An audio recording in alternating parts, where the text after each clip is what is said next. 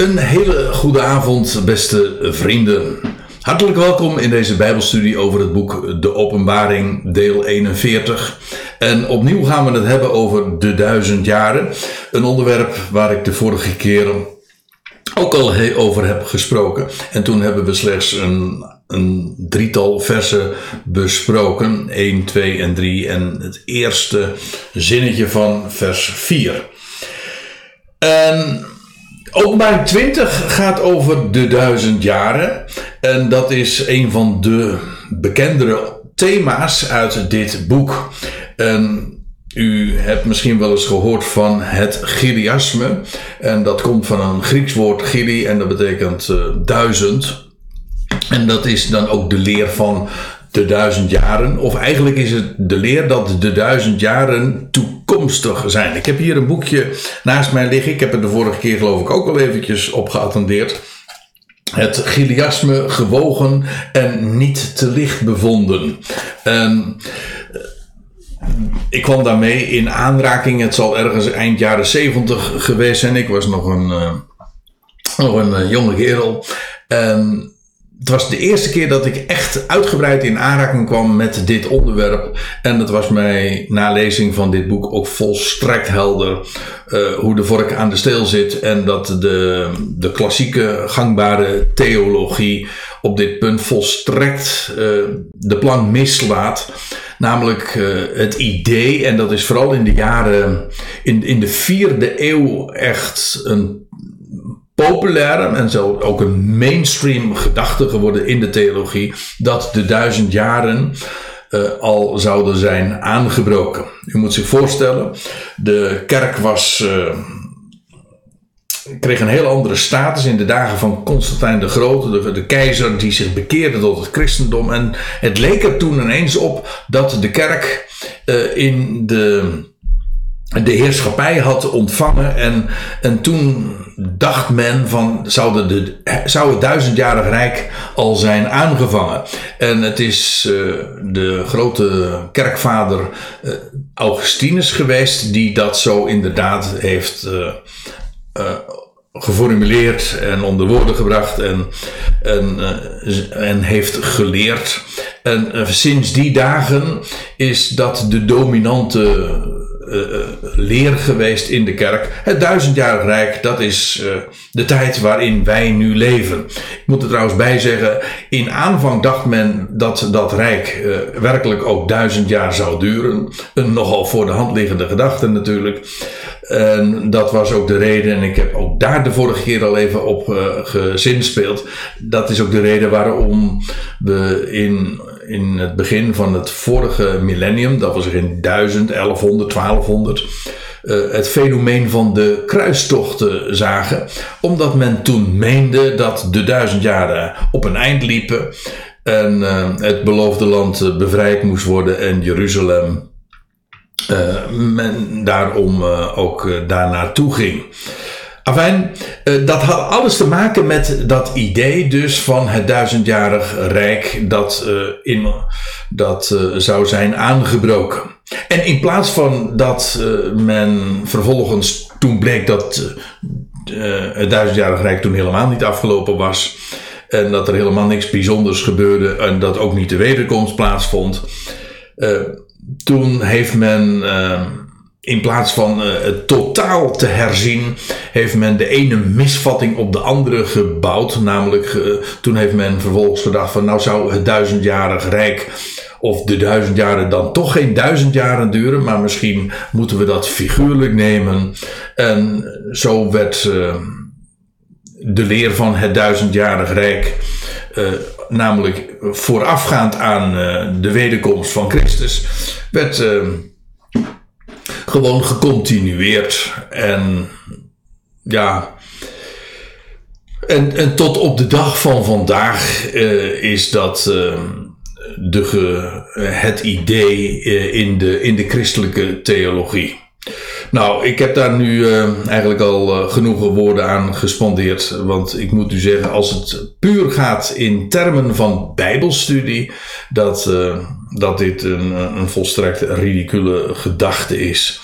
En ik kan met excuus voor de de arrogantie die daar misschien in doorklinkt, ik kan het niet eens echt serieus nemen. Vanuit Bijbelstudie oogpunt uh, is het een dwaze gedachte. laat, ik, laat ik dat nog eventjes dan wat, wat duidelijker naar voren brengen. Gewoon ook naar aanleiding van wat we de vorige keer al hebben gezien. kijk, de duizend jaren, zoals dat in openbaring 20 beschreven worden, dat is daar in dat hoofdstuk een chronologisch vervolg, onmiskenbaar, op de overwinning van de legers van het beest en, uh, en, en zijn valse profeet. Dat is het slot van hoofdstuk 19. Dan lees je dat de legers uh, daar in het noorden van Israël, daarbij in, het, in de vlakte van Israël, Harmageddon, zich verzamelen. En die legers die worden in de pan gehakt. Het beest en zijn minister van propaganda, uh, de valse profeten worden gegrepen en in het meer van het vuur geworpen. Dat is uh, de Dode Zee, als u het mij vraagt. Maar in ieder geval, dan is dat rijk echt ten einde. En ja, dan is hoofdstuk 20 een heel logisch vervolg daarop. Want dan wordt uh, ook hun beider inspirator, namelijk de Satan, de oude slang of de diabolos of de draak. Het zijn allemaal namen die, uh, die aan hem worden gegeven. Uh, die Satan wordt gebonden en hij wordt vervolgens in een put gegooid. Die put die wordt afgesloten met een deksel. En vervolgens wordt, die, wordt het ook nog eens verzegeld. Nou, uh, er wordt heel uh, uitgebreid eigenlijk uh, bij stilgestaan dat Satan vanaf dan geen enkele mogelijkheid meer heeft om uh, zich vrij te bewegen. Elke bewegingsruimte is hem ontnomen, zodanig dat hij de natie niet meer kan verleiden. Feitelijk wat geteld wordt in de openbaring 20 is niet de heerschappij van Christus. De term duizendjarig rijk is daarom ook niet correct. Ook dat heb ik laten zien. Waar het om gaat is de duizend jaren. Wat wordt daarin gemeten, geteld? Dat is de binding van Satan.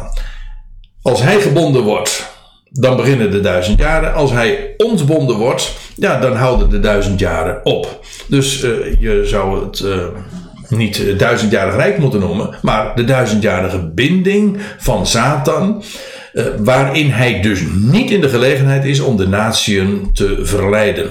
Wat op zich uh, trouwens al reden genoeg is om, uh, om vast te stellen dat dat dus nooit kan slaan op de huidige tijd of op uh, de kerkgeschiedenis. Want Satan heeft op aarde vrij spel. Hij is de God van deze aion. Hij is degene die in feite de overste van de macht der lucht. Hij alles uh, wat hij nu kan doen, dat is juist, uh, wordt gekenmerkt door verleiding van uh, de wereld als zodanig, de natieën.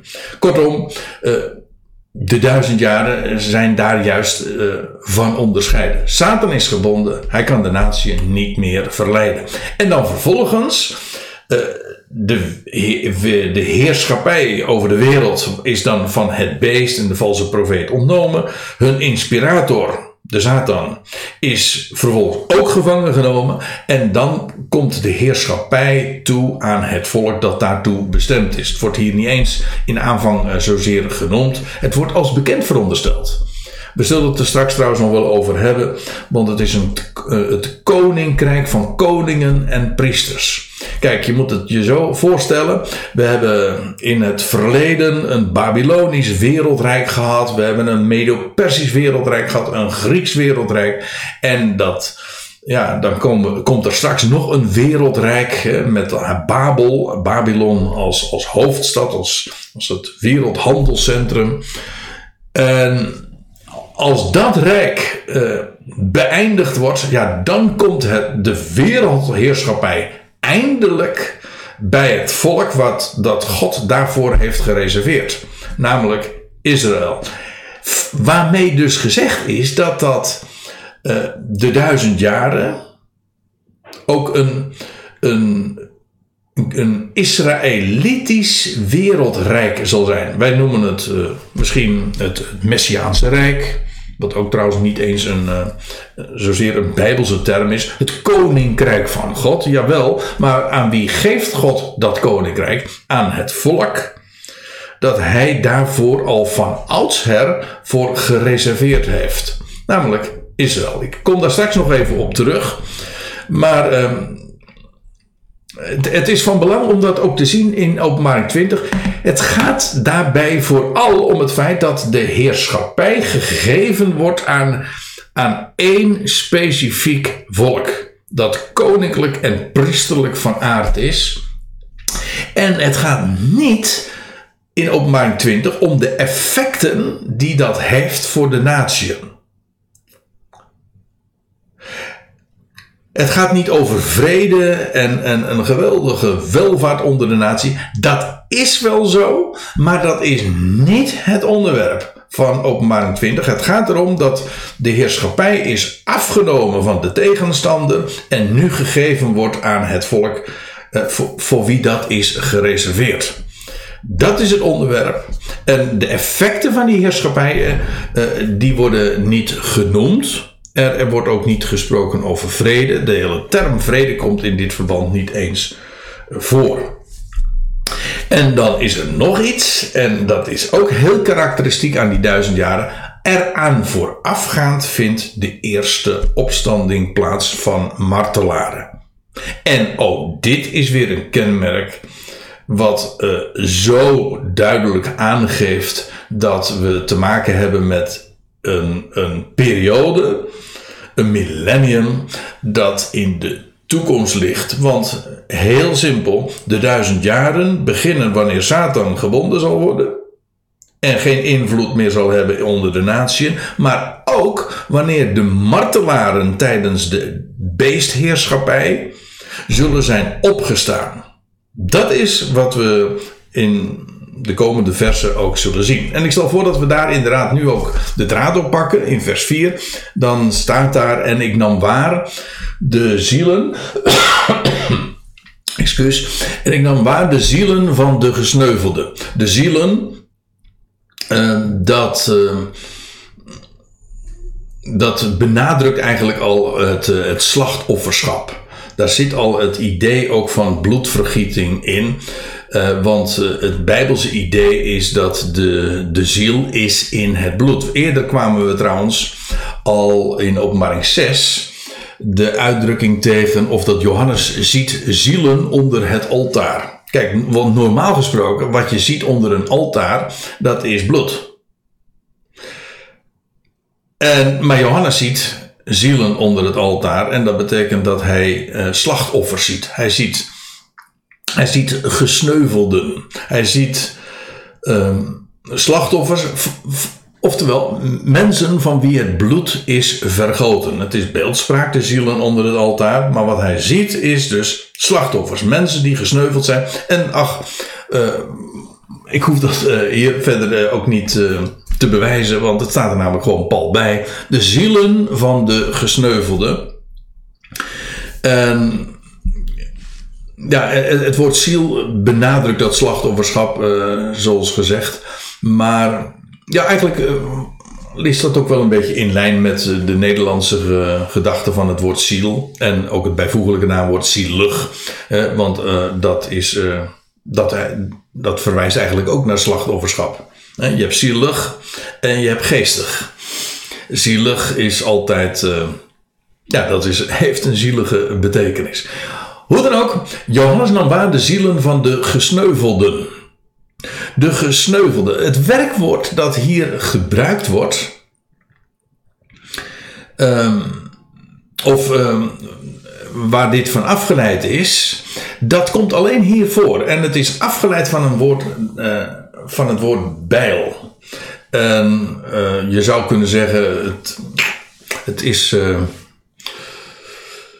eigenlijk verwant aan wat wij dan, uh, als wij dan zeggen, uh, voor de bijl gaan. En uh, dat betekent dat iets geveld is. Kijk, want dat is wat een bijl doet. En met een bijl vel je bijvoorbeeld een boom.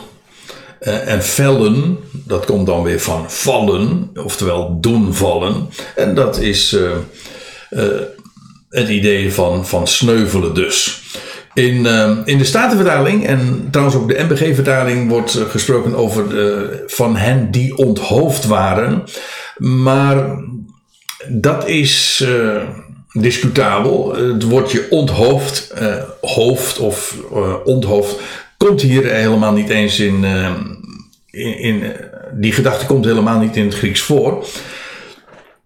Uh, daar, is een, daar is een ander woord voor in Matthäus 14, vers 10. Daar wordt echt gesproken over onthoofd. In, in, dan gaat het trouwens over uh, Johannes de Doper. En dan, uh, dan wordt er echt een uitdrukking gebruikt dat hij onthoofd is. Hier is de gedachte ja, van voor de bijl gaan.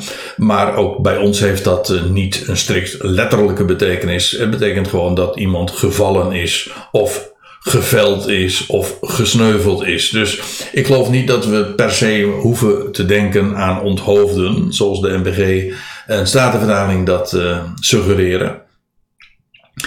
Maar hoe dan ook, eh, het zijn eh, zielen van gesneuvelden. En waarom dan wel? Wel om het getuigenis van Jezus en om het woord van God. Het getuigenis van Jezus is uiteraard het woord van God. En het getuigenis van Jezus is niet zozeer het getuigenis over Jezus, maar het getuigenis van Jezus. Namelijk dat wat hij getuigt. Hier, wat hij hier op aarde getuigde, namelijk hij, wat hij verkondigde, en proclameerde onder het volk, hè, was het evangelie van het koninkrijk. En ja, dat hebben de twaalf vervolgens ook in het boek Handelingen voortgezet. Nu leven we in een onderbreking, want Israël heeft, is terzijde gesteld vanwege de verwerping van de Messias. Maar in de toekomst wordt dat getuigenis weer opnieuw uh, hervat. En zal dat getuigenis weer klinken van dat in die dagen, in die generatie, het koninkrijk zal baanbreken. En dan, uh, kijk, was het in het verleden nog optioneel. Het werd aangeboden. Straks zal het ook daadwerkelijk aanbreken. Het getuigenis van Jezus, namelijk het woord van God. Maar er zullen er velen zijn die uh, om dat getuigenis omkomen om het, eh, het woord van God uh, maakt hen tot martelaar. Als je daarvoor uitkomt in die dagen, dan zal dat uh, hen uh, letterlijk of figuurlijk de kop kosten. En het gaat hier dus over martelaren die omkomen in de tijd voor de duizend jaren. Uh, dat zijn martelaren uh, gedurende de grote verdrukking voor Israël in die 42 maanden. Kom daar straks op terug. Maar ook in de tijd daarna nog. Uh, als, is, als de Heer inmiddels al zijn teruggekeerd voor Israël, dan zal het getuigenis van Jezus en het woord van God nog onder de natieën klinken. Maar ook dan zullen er zijn die om die reden omkomen uh, onder, in, in, onder de, in de volkerenwereld. Kortom, ook martelaren. Wel nu, Johannes ziet eh, de zielen van hen die omgekomen zijn om het getuigenis van Jezus, om het woord van God. En er staat hier nog bij, en die niet het beest, nog het beeld van hem hebben aanbeden. Nou, dit uh, gaat uh, heel uitdrukkelijk specifiek over die tijd van, van grote verdrukking, over Israël. Waarom? Wel omdat dan in die tijd ook het beeld in, van het beest in Jeruzalem zal zijn geplaatst. En er zal straks weer, er komt weer een tempeldienst. Die tempeldienst zal worden gestaakt. Ook daar kom ik straks nog even op terug. Die tempeldienst zal worden gestaakt. En in plaats daarvan zal er een beeld, een gruwel worden opgericht. Een beeld van, uh, van de leider onder de natieën, dat beest dus. En de valse profeet, dat is. Zijn, uh, zijn minister van propaganda noemde, noemde ik hem. Die term heb ik niet van mezelf, maar ik vond hem. Eh, hij, geeft tamelijk adequaat weer, denk ik, over wat voor figuren we het hebben. Uh, die valse profeet daar in Jeruzalem zal een beeld van hem oprichten. En, en daarvoor ook aanbidding opeisen. En dat zal. Uh, Dat zal een buitengewoon zware tijd zijn. Vandaar ook een grote verdrukking als er nimmer geweest is. En gedurende 42 maanden. En, maar er zullen er zijn die dus uh, niet dat beest en dat beeld aanbidden.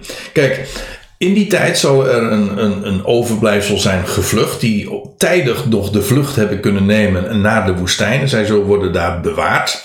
Maar degene die uh, niet tijdig gevlucht zijn, of die later gelovig geworden zijn, die zullen in het land verkeren en ja, onder die, die, dat strenge regime, dat dictatorschap, uh, gebukt gaan. En zij zullen worden gedwongen om. Uh, om te buigen voor uh, het beest. En zij die dat weigeren, ik moet denken aan wat je leest in het boek Daniel over die vrienden van Daniel, die dan ook uh, moeten buigen voor het beest, maar zij weigeren dat. En uh, nou, dat zal straks ook het geval zijn. En zoals die vrienden toen geworpen werden in, het, in, die, in die vurige oven, wel, zo zal straks de, het, het het overblijfsel dat in het land zijn uh, zich uh, zal verkeren, zal ook uh, het buitengewoon zwaar hebben. En, en zij zullen niet het merkteken ontvangen op het voorhoofd en op hun hand. want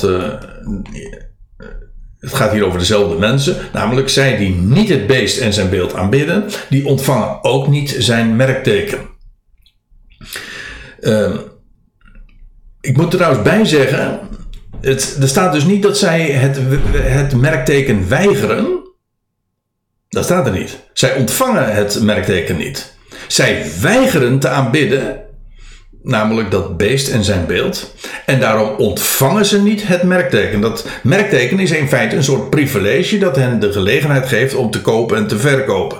En om deel te nemen aan het maatschappelijk verkeer. Dus het idee is dus niet dat zij het merkteken weigeren.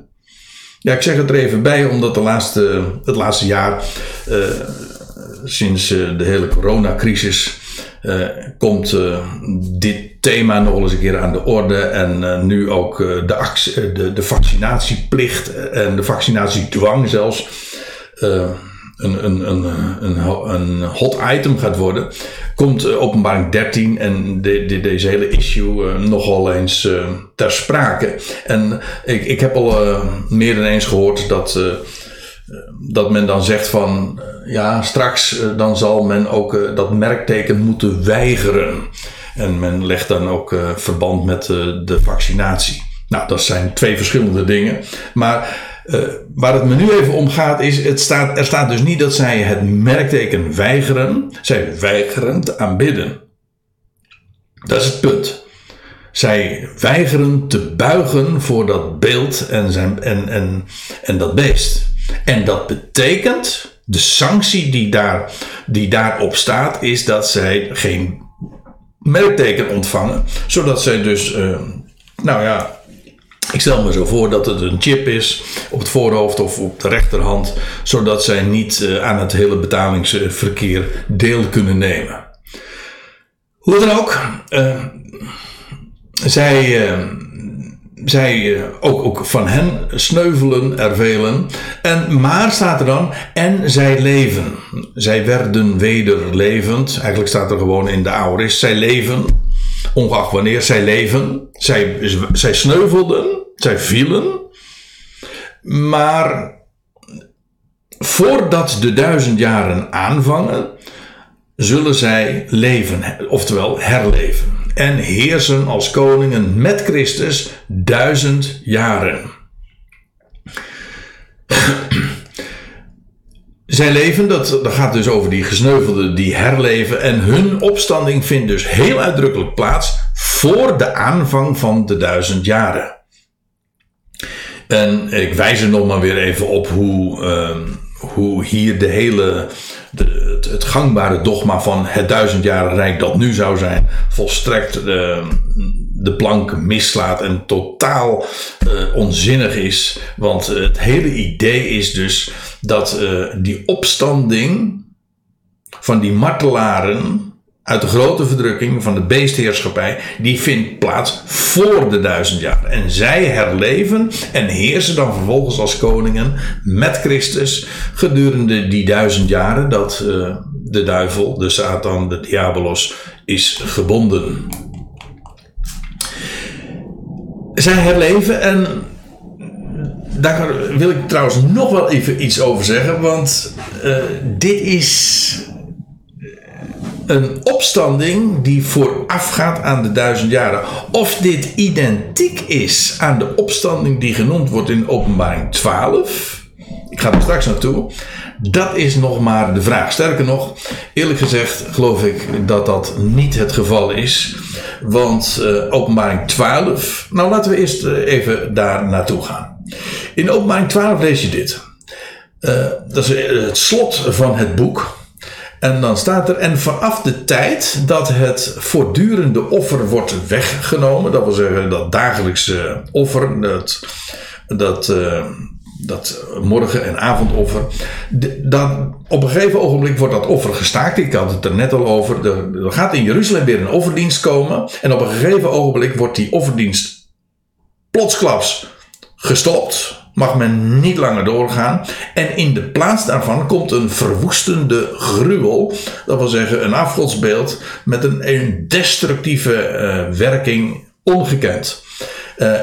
De, vanaf de tijd dat een voortdurend, het voortdurende offer wordt weggenomen en een verwoestende gruwel wordt gesteld, dan neergezet, is het, zegt Daniel dan, 1290 dagen. Dat is eigenaardig, want wat we kennen uit de profetie is 1260 dagen. Dat is namelijk de tijd van die grote verdrukking, 42 maanden. Dit is een maand langer. Dit is namelijk 30 dagen later. Kijk, het idee is, er wordt een gruwel opgericht. Dat zal trouwens pal voor de, die wegrukking van die mannelijke zoon zijn de, eh, wat dan uh, genoemd wordt de wegrukking van de Ecclesia. En er zal een afgodsbeeld worden geplaatst.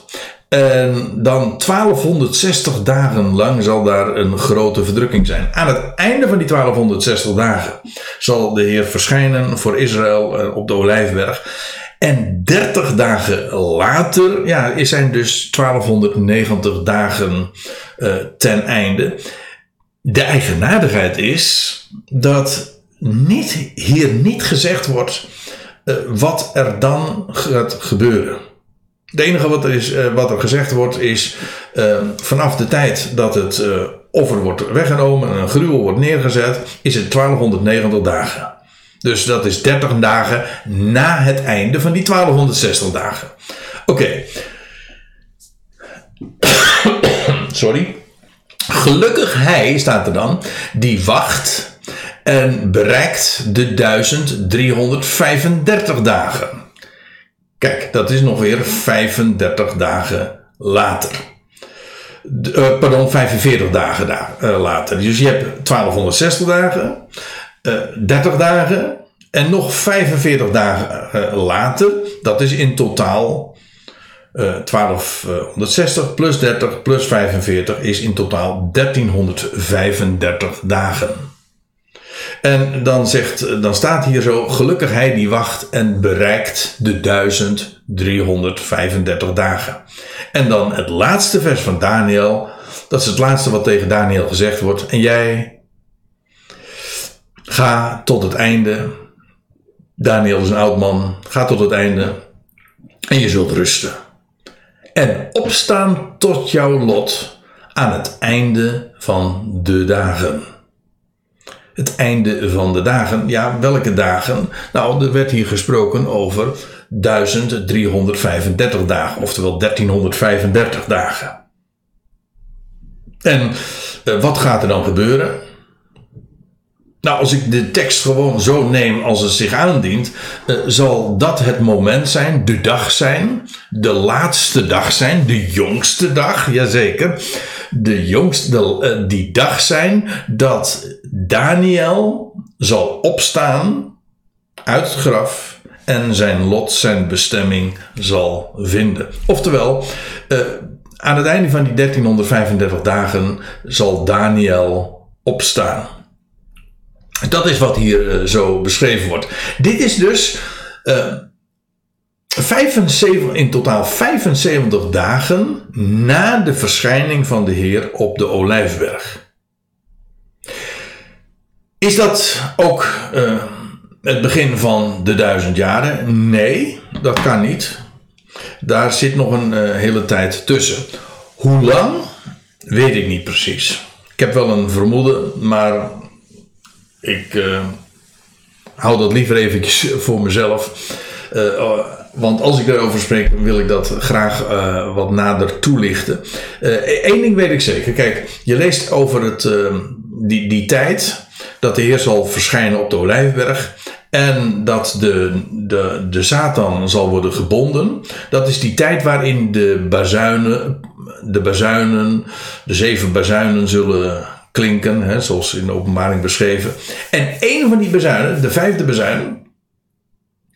Zeg je het goed? Ja, die zal. Uh, daarvan lezen we dat, het, dat, men, dat uh, men vijf maanden lang gepijnigd zal worden. Vijf maanden. Dus één uh, zo'n bazuin zal vijf maanden duren. En dat betekent dus dat die periode van die bazuinen veel langer duurt. En pas aan het einde van de bazuinen zal de duizend jaren aanvangen. waarmee gezegd is dat deze 75ste dag na de, na de grote verdrukking dus de dag dat Daniel zal opstaan, dat is uh, pakweg twee maanden. Twee maanden na de grote verdrukking. Dan zal Daniel opstaan, maar dat is nog niet de tijd dat de bazuinen allemaal al geblazen zijn en die hele periode al ten einde is. Dat, uh, dat is een aanzienlijk langere periode. En als ik er dan uh, toch mijn vermoeden even mag uitspreken. Als u mij vraagt op dit moment, maar ik zeg het met heel veel slagen onder arm, dus pak me er niet op vast. Ik, uh, ik overweeg het. Het zou me niet verbazen dat ook die periode tussen het einde van de. Tussen het einde van de grote verdrukking en de duizend jaren ook 3,5 jaar duurt. Maar nogmaals, uh, dat kan ik niet hard maken. En ik wil dat, dat is nu ook niet het onderwerp. In ieder geval is die periode veel langer dan twee maanden. Dat is een ding wat zeker is.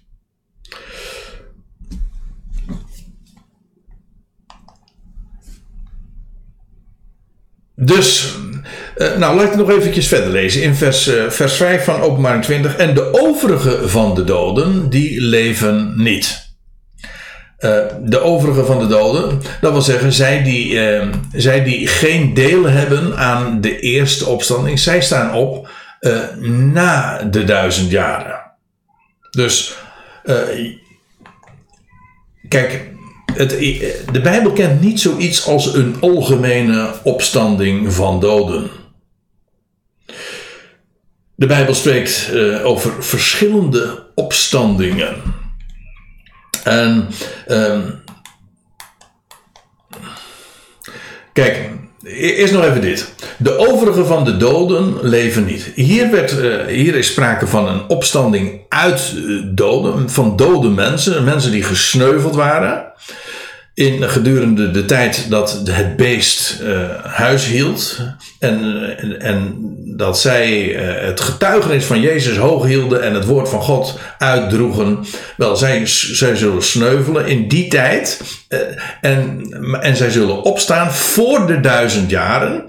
En, maar, en alle andere doden, die leven niet. Die blijven dus gewoon in het graf over. die blijven in het graf liggen. Die staan ook wel op, maar op een later tijdstip, in ieder geval duizend jaar later. Let er trouwens op, de doden leven niet.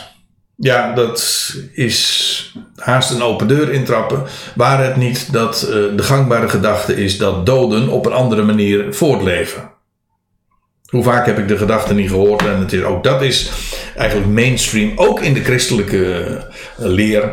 Namelijk dat zij die sterven, die, die, die zijn niet echt dood.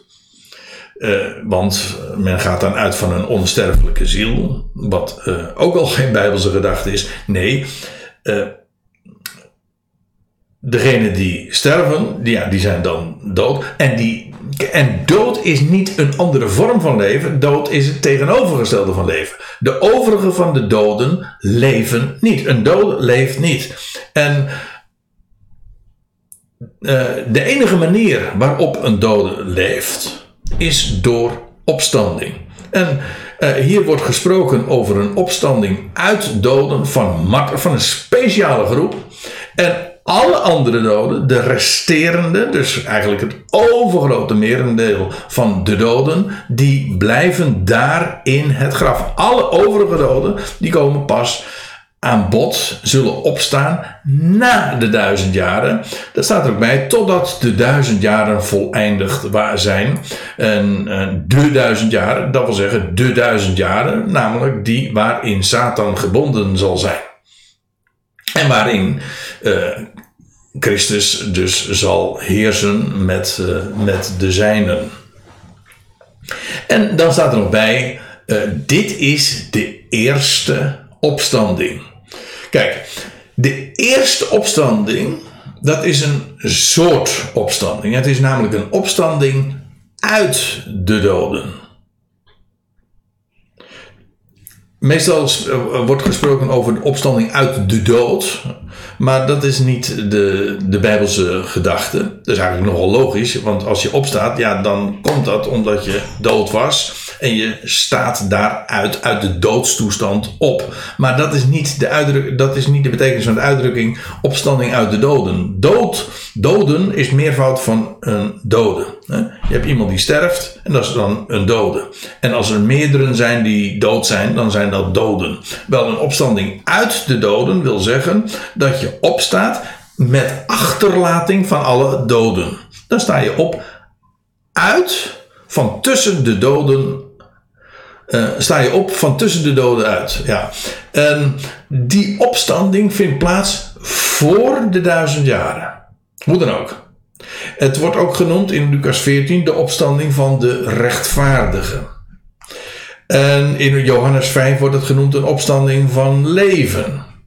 En deze opstanding, deze eerste opstanding, is onderscheiden van de opstanding van de overige doden. Van eigenlijk de resterende doden. En die staan dus op ja, dat is, dat is de opstanding der doden. Dat wil zeggen, alle doden zullen bij die gelegenheid opstaan. Dat wil zeggen, zij die dan nog dood zijn, zullen dan opstaan. En dat is na de duizend jaren. En dat is. Uh, wat we trouwens aan het slot van uh, hoofdstuk 20 zullen, zullen lezen. En dat, uh, dat zal dan nog uitgebreid ook aan de orde komen. Hier is sprake dus van de eerste opstanding. Laat ik het eventjes wat schematisch voorstellen. Want de eerste opstanding, dat, uh, dat, dat kent ook verschillende fases. Eerste opstanding slaat dus op het, uh, op het fenomeen van een opstanding uit de doden. Dat is de eerste opstanding. En de eerste die daar aan deel had aan de eerste opstanding, dat is Christus zelf. Hij is de eersteling. En dat was pakweg een kleine 2000 jaar geleden. In het jaar 30, buiten de poorten van Jeruzalem, uh, werd de steen weggewenteld en hij stond als eersteling op uit de doden. De tweede fase van hen, van die eerste opstanding, is, vindt plaats bij de wegrukking. Als uh, in openbaring 12, hè, die wegrukking van de mannelijke zoon. Maar Paulus beschrijft dat ook in, in 1 Thessalonica 4. Dat dan uh, de, de, de, de doden zullen opstaan. Zij die in Christus ontslapen zijn. En vervolgens de levenden op dat moment. Zullen dan vervolgens uh, samen met hen de Heer tegemoet gaan in de lucht. En, uh, en ze worden weggerukt. Dat is de term die in dat verband gebezigd wordt. Dat zijn de gelovigen die deel uitmaken van, ja, van de Christus. Hè, van de, zij zijn uh, hoofd en lichaam samen. En uh, die, bij die wegrukking, dat is een wegrukking die plaatsvindt voor de 1260 dagen voor de grote verdrukking. En waar ik het zojuist uh, over had, naar aanleiding van, van Daniel 12, dat is uh, een, de opstanding van Israëls rechtvaardigen. Uh, in ieder geval die van Daniel. En dat zal zijn op de 1335ste dag. Dat is uh, gerekend vanaf het moment dat het afgodsbeeld in Jeruzalem zal worden geplaatst.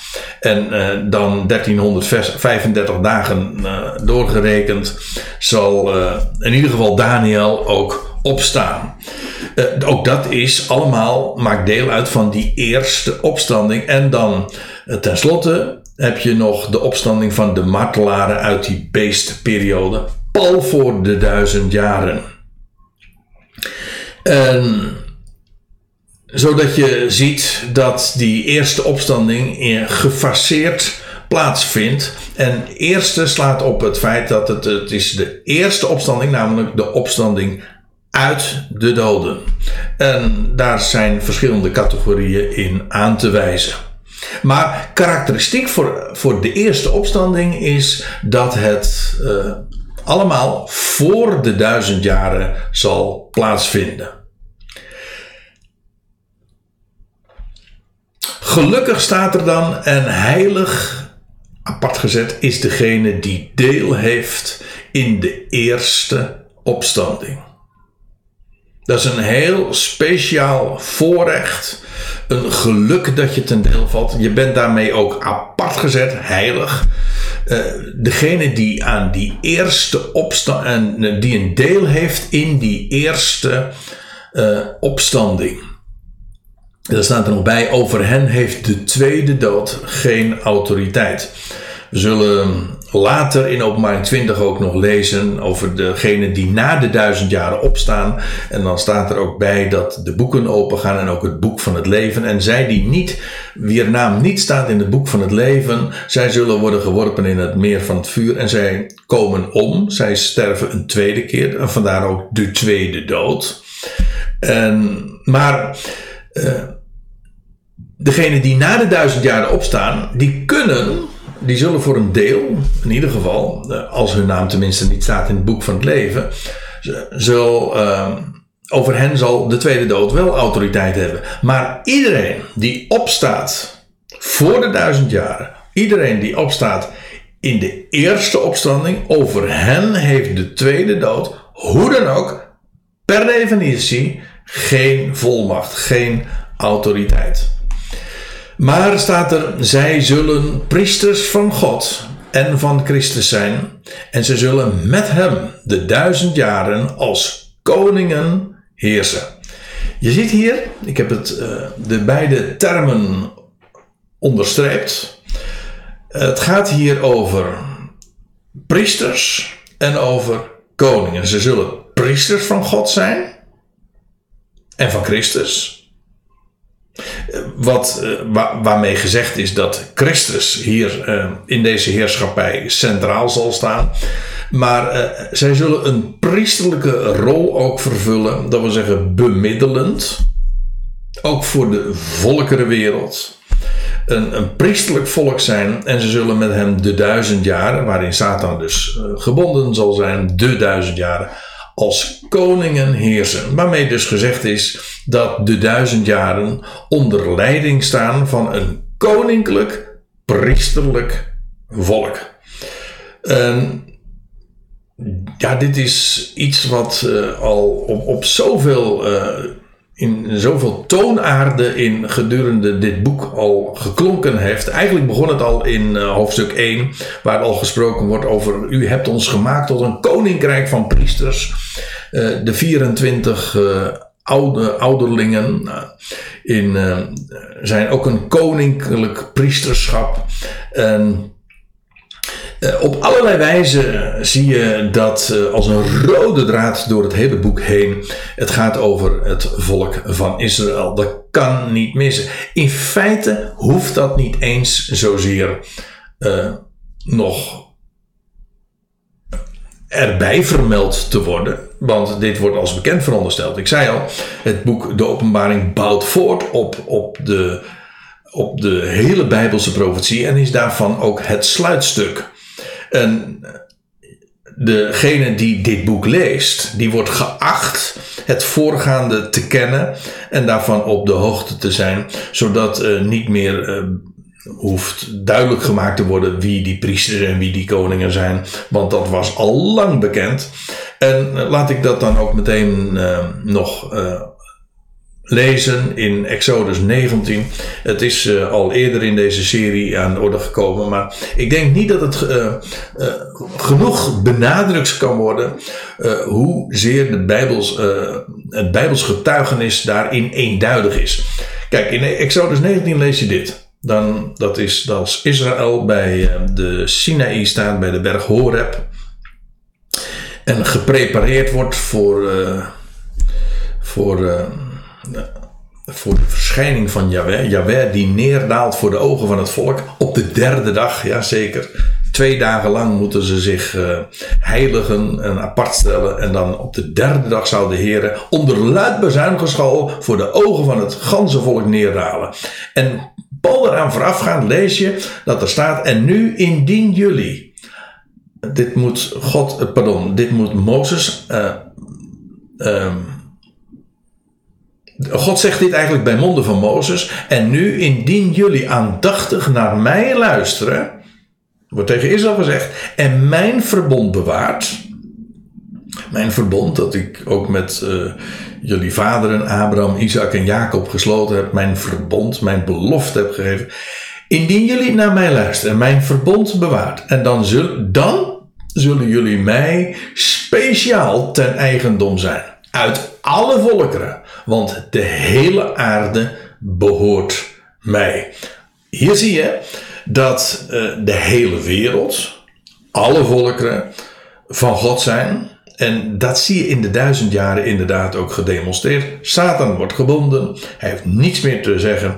Alle naties die, zijn, uh, die komen toe aan, ja, aan, aan God en zijn Christus. En aan het volk dat hij koninklijk en priesterlijk speciaal ten eigendom gereserveerd heeft. Dat staat hier. Dan zullen jullie, dan zullen jullie mij speciaal ten eigendom zijn uit alle volkeren. Wanneer? Wanneer zij gaan luisteren naar hem.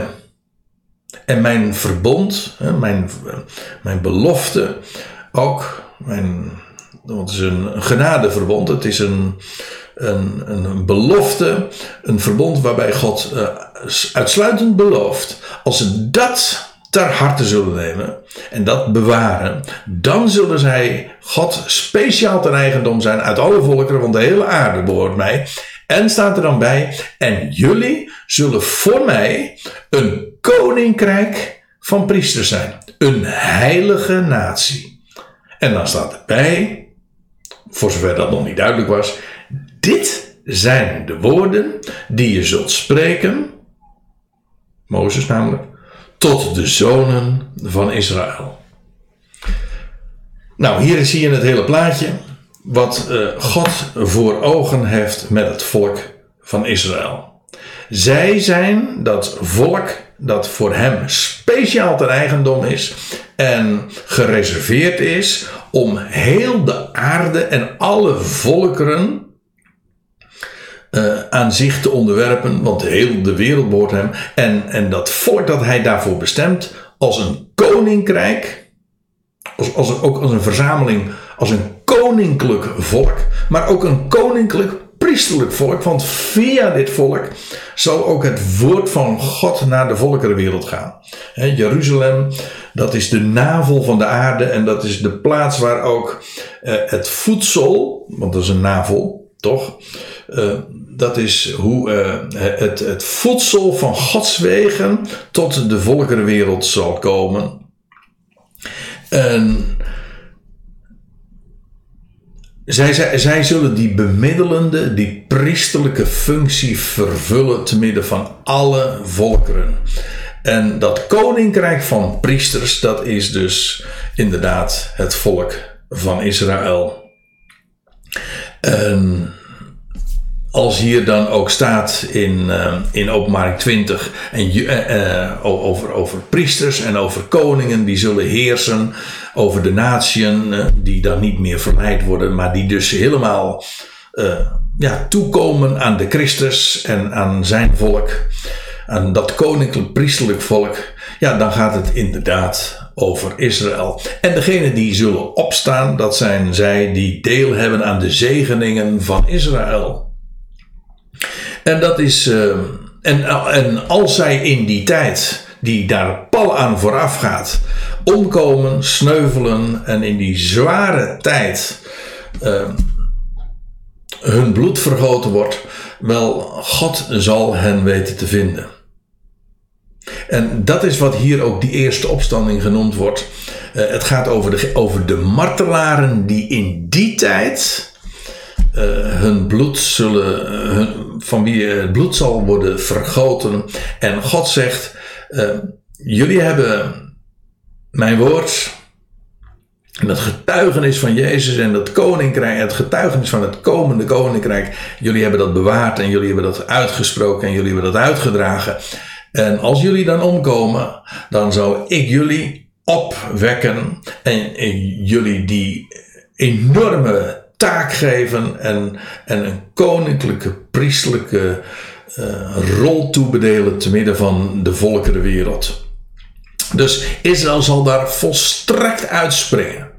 En, en, en de stad Jeruzalem, en het zal met recht ook een, weer een, een een, een Israëlitisch wereldrijk zijn. Nou, dat, uh, dat is wat in, uh, in openbaring 20 uh, zo zeer sterk benadrukt wordt. Namelijk de binding van Satan gedurende duizend jaren om de volkeren niet te verleiden. En de heerschappij die wordt gegeven aan het koninklijk priestelijk volk. En degenen die omgekomen zijn in die, in die laatste, in die, in die in, in die beestachtige tijd. Wel, zij zullen opstaan en ze zullen deel hebben aan een, aan een geweldige. Uh, aan, aan deze opstandingen. En gelukkig en heilig is hij die deel heeft aan deze opstanding. En dat is een, een buitengewoon groot voorrecht. Dat millennium dat gaat komen, die, die grote dag, dat is de dag van de Christus. Het is de dag ook van het volk dat God heeft bestemd. Het is ook de dag, de Sabbatdag, die laatste grote uh, dag van, van waarin God zal rusten. En waarin ook het volk Israël rust zal vinden, eindelijk. En als een koninklijk priestelijke natie een, een, een bevoorrechte taak zal hebben een rol zal krijgen toebedeeld te midden van de hele wereld. Nou, dat is uh, de toekomst die God voornemens is en zoals we dat in Openbaring 20 vinden. En dat is de tijd die over niet al te lange periode zal gaan aanbreken, want de zes dagen zijn, uh, die lopen, die termijn die loopt op zijn eind. En de zevende dag, die is een aantocht. En dat is dat millennium. Dat zijn dus uh, buitengewone, boeiende, grootse, heerlijke tijden, eeuwen die uh, gaan komen. En dat is Gods voornemen. En aangezien het zijn voornemen is, dat hij al zo lang geleden heeft opgevat, zal het ook absoluut zeker gaan aanvangen. Hij gaat het realiseren en hij alleen. Nou, daar wilde ik het graag bij laten. De volgende keer gaan we het hebben over uh, Satans loslating. Misschien dat er uh, nog een ander onderwerp uh, er even tussen ligt als een soort, als een, soort appendix. Maar dat weet ik nog even niet helemaal zeker. maar anders, als we weer verder gaan, dan ga ik het hebben over de volgende drie versen, vers 7, 8, 9 en 10 over Satans loslating en dat wat er na de duizend jaren zal gaan plaatsvinden. Nou, daar wil ik het zoals gezegd bij laten en ik zou zeggen, al het goede, God zegen, dank voor uw aandacht en tot een volgende keer.